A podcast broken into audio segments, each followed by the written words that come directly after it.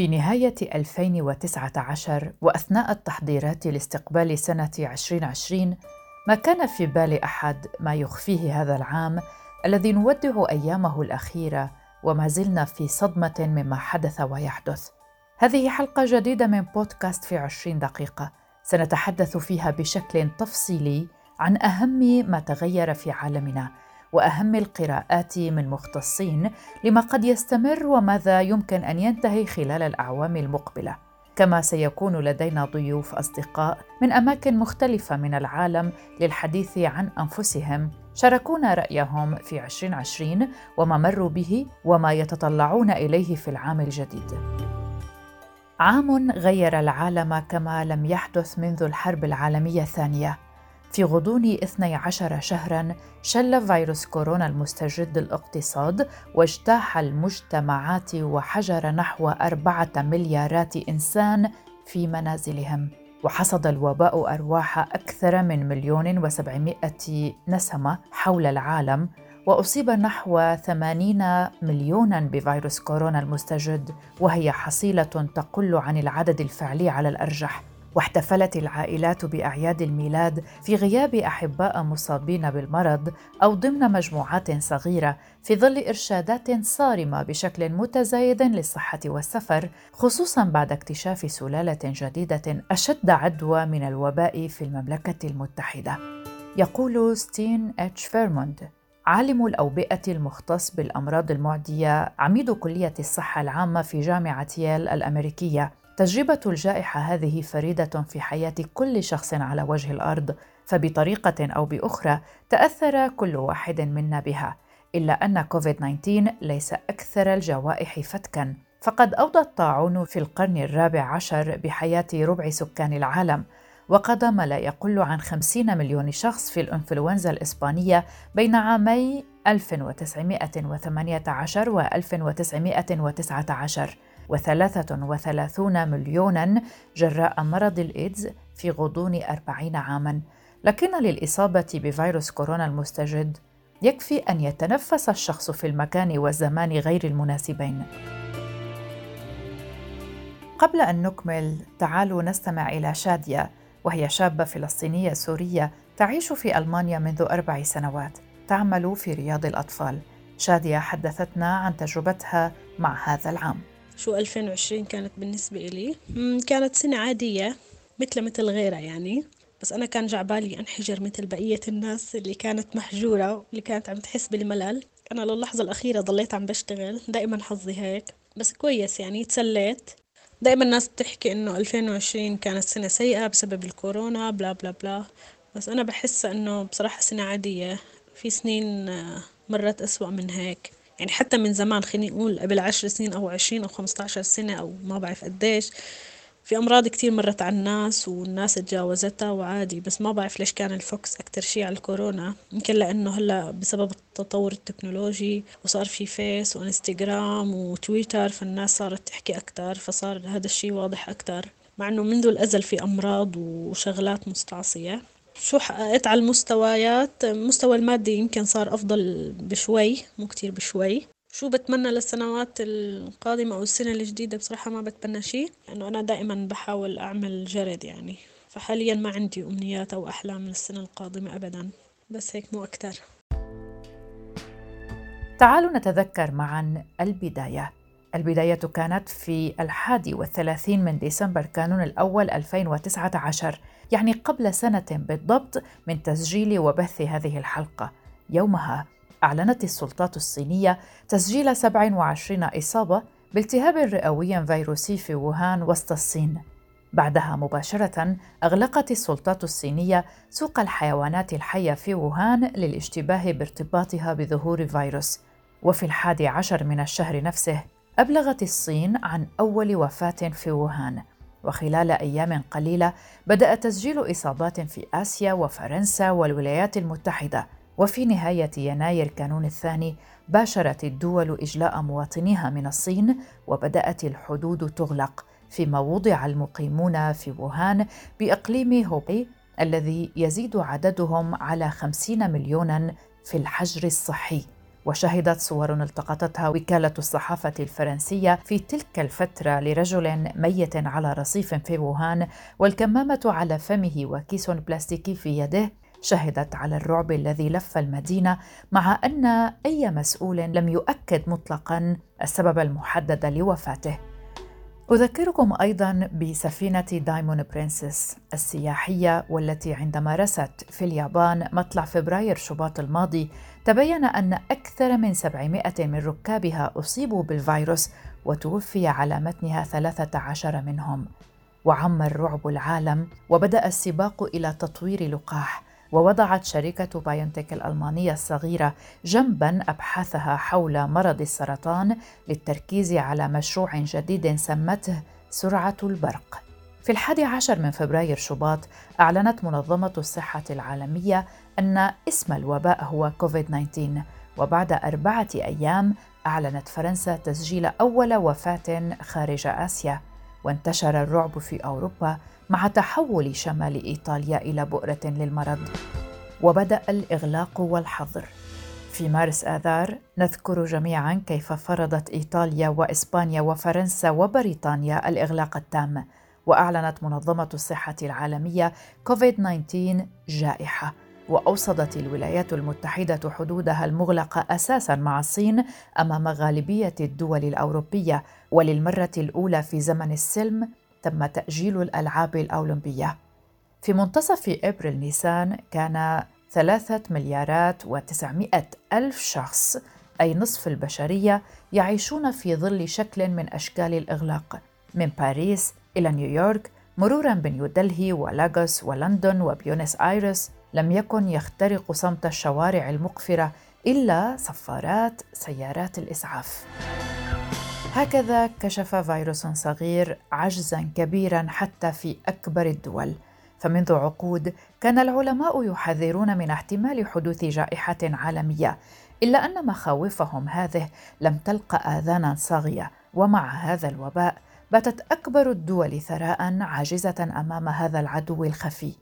في الاقتصاد المعولم أدى توقف شبكات الإمداد إلى انقضاض المستهلكين المذعورين على المتاجر الكبيرة. وظهرت جلية نتائج النقص المزمن في الاستثمار بالمنشآت الصحية مع مستشفيات تكافح من أجل استمرار عمل أقسام العناية المركزة فيها التي تجاوز عدد المرضى فيها قدرتها على الاستيعاب. وراحت طواقم تعاني أصلا من انخفاض الأجور تخوض المعركة من دون وسائل الوقاية الضرورية. في نيويورك التي تضم أكبر عدد من أصحاب المليارات في العالم التقطت صور لطواقم طبية يرتدي أفرادها أكياس قمامة للوقاية من الفيروس. وقد أقيم مستشفى ميداني في وسط سنترال بارك ومقابر جماعية على جزيرة هارت آيلاند. وقال رئيس بلدية ماناوس في البرازيل الأمر أشبه بفيلم رعب. لا يمكننا التحدث بعد الآن عن حالة طوارئ. إنها كارثة مطلقة. وتكدست الجثث في شاحنات مبردة بانتظار أن تحفر جرافات مقابر جماعية ضخمة. سنتوقف مع الصحفية التونسية تبر النعيمي والتي لم تنصفها فترة كورونا كما قالت. بصفتي صحفية فإن حياتي كانت على وقع هذه الأحداث ارتبطت بها كثيرا. لم أخضع للحجر الصحي ولحظر الجولان بحكم مهنتي لكنني فقدت الكثير من حريتي وأكثر ما افتقدته. التظاهرات الثقافية التي كنت شغوفة بمتابعتها والتي غابت بحكم الجائحة. جائحة غيرت وجه العالم ووجه البلاد وأظنها ستغيرنا نحن البشر ولن نعود كما كنا أبدا. أقفلت معظم الشركات. وكذلك المدارس والجامعات وألغيت اللقاءات الرياضية وباتت حركة الملاحة الجوية المدنية شبه متوقفة شاهدة على أسوأ أزمة في تاريخها. وأقفلت المتاجر والحانات والنوادي والمطاعم أبوابها.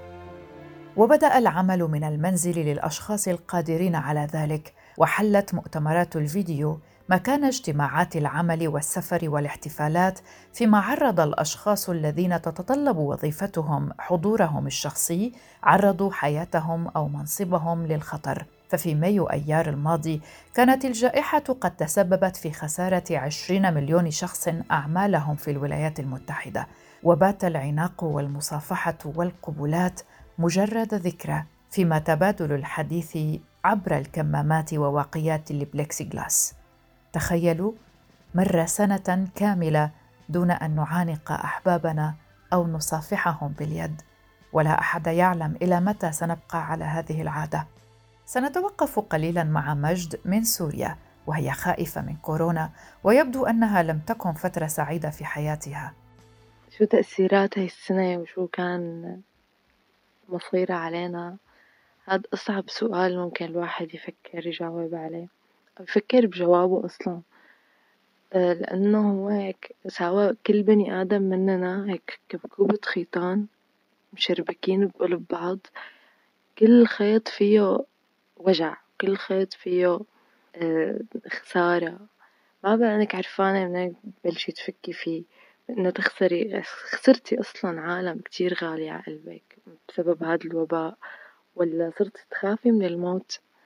وصار عندك يا إنه خوف شعور الخوف صار هيك متجذر فيكي متل كأنك شعور أساسي بيومك متل شعور إنه انتي عطشانة وانتي جوعانة. شعور الخوف إنك انتي تحملي طفل صغير وتبوسيه ما بتقدري تقربي عليه لأنه خايفة عليه. خايفة إنه تقربي على أهلك الكبار بالعمر خايفة تقربي على الناس الكبيرة بالعمر اللي بيخصوكي. كله كان خوف خوف خوف خوف. أما بالنسبة لإلي على الصعيد الشخصي أو النفسي فأنا خسرت فيها كل شي فيهن كل شي ما عاد ضل عندي طاقة إني أنا أدرس ما عاد عندي إني أعمل فن إني أي شي كنت ضل عندي طاقة إنه أنا روح دور أشتغل ساوي أترك بصمة أعمل إنه خسرتها لهي اللهفة. مع إنه كان عندي كتير فائض منها. لهفة إنه أنا روح أكون قريبة من أشخاص إني أقلن إنه رواق والحياة حلوة وفي شي ما عاد عندي إياها. فهذا الشي كتير كان سيء على الصعيد النفسي تبعي. وأنا كطالبة هندسة عمارة من أكتر الناس اللي عانوا من غلا الطباعة من غلا معدات الرسم من غلا من غلا أي شي. وفوق كل هاد الغلا لسه كان أنا عندي بدي آكل بدي أشرب بدي بيتي بدي بدي. فكان كل شي بدي أعمله بدي أحسب له مية حساب. عشان أقدر وازن وما قدرت إني وازن أبدا شو لسه ما عاد ما بيخلصوا زيت سنة نضل نعدد فيهم خسرنا الحب خسرنا الرفقات خسرنا القرايبين اللي هن آخر سند ممكن تستندي عليه كلهم كانوا كف ورا كف ومع هيك يعني مني وعلي أنا ببرر لأي شخص خسرته لأنه أنا انخسرت مثل ما خسرت يعني أنا ما عاد عندي قدرة إنه أنا أكون حد حدا ما عاد عندي قدرة أقول لحدا روق لحتى يجي حدا يقول لي روقي. لهيك كلياتنا بعدنا عن بعض لسبب نحنا ما إلنا علاقة فيه. لشي أذينا وانجرحنا فيه دقنا نفس الكاس كلياتنا فما عاد قدرانين إنه نحنا نوازن بشي. فإن شاء الله يكون السنين الجاية أحسن. ما بعرف عم عد الساعات كثير متفائلة إنه السنة الجاية أحسن. نضحك على حالنا بهذا الكلام. بركي فينا نغير هذا العالم. إن شاء الله يا رب.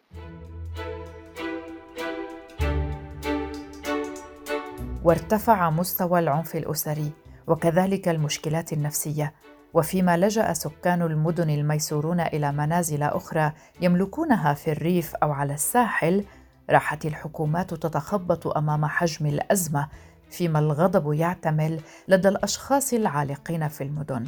وأصبحت الولايات المتحدة التي تتمتع بأكبر اقتصاد عالمي من دون أن يؤمن ذلك تغطية صحية للجميع أصبحت أكثر الدول تضررا من الجائحة مع أكثر من 300 ألف حالة وفاة. إلا أن الرئيس دونالد ترامب خفف بانتظام من تهديد المرض مروجا لعلاجات لم تثبت فعاليتها مثل الهيدروكسيكلوروكين ومقترحا أيضا معالجة الإصابة بماء الجافيل أو كما نقول عنه الفلاش. في مايو أيار أطلقت الحكومة الأمريكية عملية السرعة القصوى التي خصصت 11 مليار دولار لتطوير لقاح بحلول 2021 المخرج السوري فراس محمد شاركنا أيضا وسيحدثنا بنفسه السينمائي عن هذه الفترة. مثل بداية كل سنة بنحس إنه السنة اللي عم نفوت عليها حاليا هي سنة أفضل أو هيك بنتمنى. هيك بلشنا عام 2020 أو هيك أنا بلشته بشكل خاص وهذا الشيء اللي كنت بتمناه. وخصوصا إنه كنت مقبل على حياة جديدة. كنت مقبل على تجارب جديدة بهي الحياة. فجأة بغمضة عين انرسم قدامنا شريط سينمائي غريب بيشبه الشيء اللي شفناه بفيلم ستيفن سودربرغ. يلي سواه من كم سنة اسمه Contagion عم نشوف فيها ساحات كبيرة فاضية وعم نشوف فيها شوارع كانت آه، عم تغص بالناس فاضية. آه، عم نشوف كأنه الحياة وقفت هذا الشيء بالبداية كنا مفكرينه ممكن يكون مؤقت ولحديت هلأ مفكرينه إنه رح يكون مؤقت وعم نتصرف على أساس إنه هو مؤقت. يوم مع يوم عم نشوف إنه لسه الزمن واقف ولسه الساحات فاضية ولسه الشوارع اللي كانت مليانة ناس. فاضية عم تحاول إنه تمتلي أو عم تحاول تحسسنا من جديد إنه هذا الإحساس مؤقت تماما مثل فيلم كونتيجن يلي كنا مفكرينه فيلم خيال علمي. طلع كتير واقعه قوي. هذا الشيء كلياته سببه فيروس كورونا. كورونا يلي هو كان ضيف غير متوقع وتقيل وغير كتير حسابات. كنت بتمنى بالسن بالسنة الجديدة إنه هذا الفيروس ما كتير يغير لي. من حساباتي.